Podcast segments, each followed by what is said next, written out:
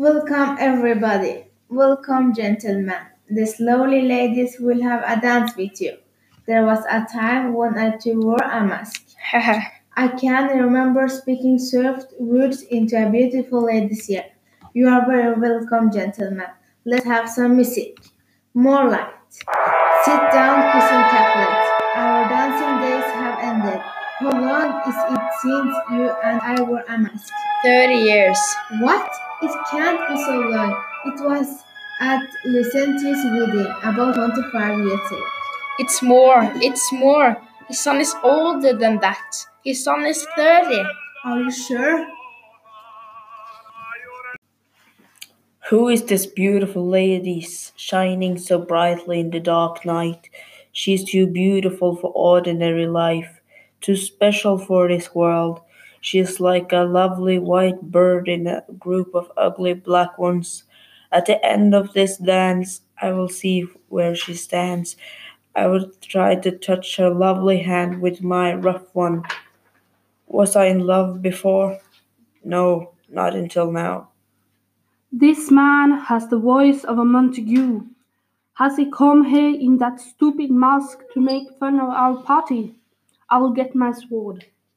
What's the matter, Tybalt? Why are you looking so angry? Uncle, that man is a Montague, one of our enemies. Uh, he's come here to make fun of us. It's young Romeo, isn't it? Yes, Be calm, dear cousin. Leave him alone. He's acting like a gentleman. People in Verona say he's a nice young man. I don't want to hurt him here in my house, so be pleasant and put away those angry looks. I hate him. Be polite to him. Am I the master here, or are you? Do you want to make trouble for my guests? It's not right, Uncle. That's enough. You are a rude and silly boy. I know what I am doing. Bring more light. No, go. Be quiet, or I'll make you quiet. I'll go, but something bad will happen as a result of the unwelcome guests at our party. If I touch your beautiful hand with mine, please forgive me. My touch is rough, but I can make it soft with a kiss.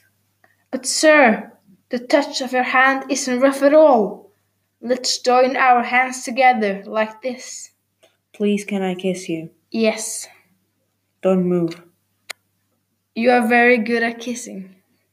Madam, your mother wants to talk to you. Who is her mother? Her mother is the lady of the house, of course, and a very good, wise, and kind lady. I nursed her daughter, uh, the girl you talked to just now. I'll tell you, her husband will be a lucky man. She is a Capulet? That's terrible news. Let's go. Good night, gentlemen. Thank you all for coming. Bring more light. Let's go to bed. It's getting late. Come here, nurse. Who's the gentleman over there? That's old Tiberio's son. Who's the man going out the door now? I think that's young Petruchio. And who's the man who didn't want to dance? I don't know. Go and ask his name. If he's married, I'll never have a wedding bed, only a grave.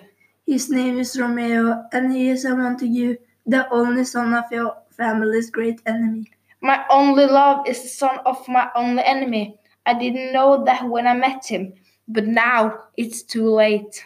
What's this? What's this? Nothing. Just a silly joke that somebody told me tonight. Let's go. The guests have all gone home.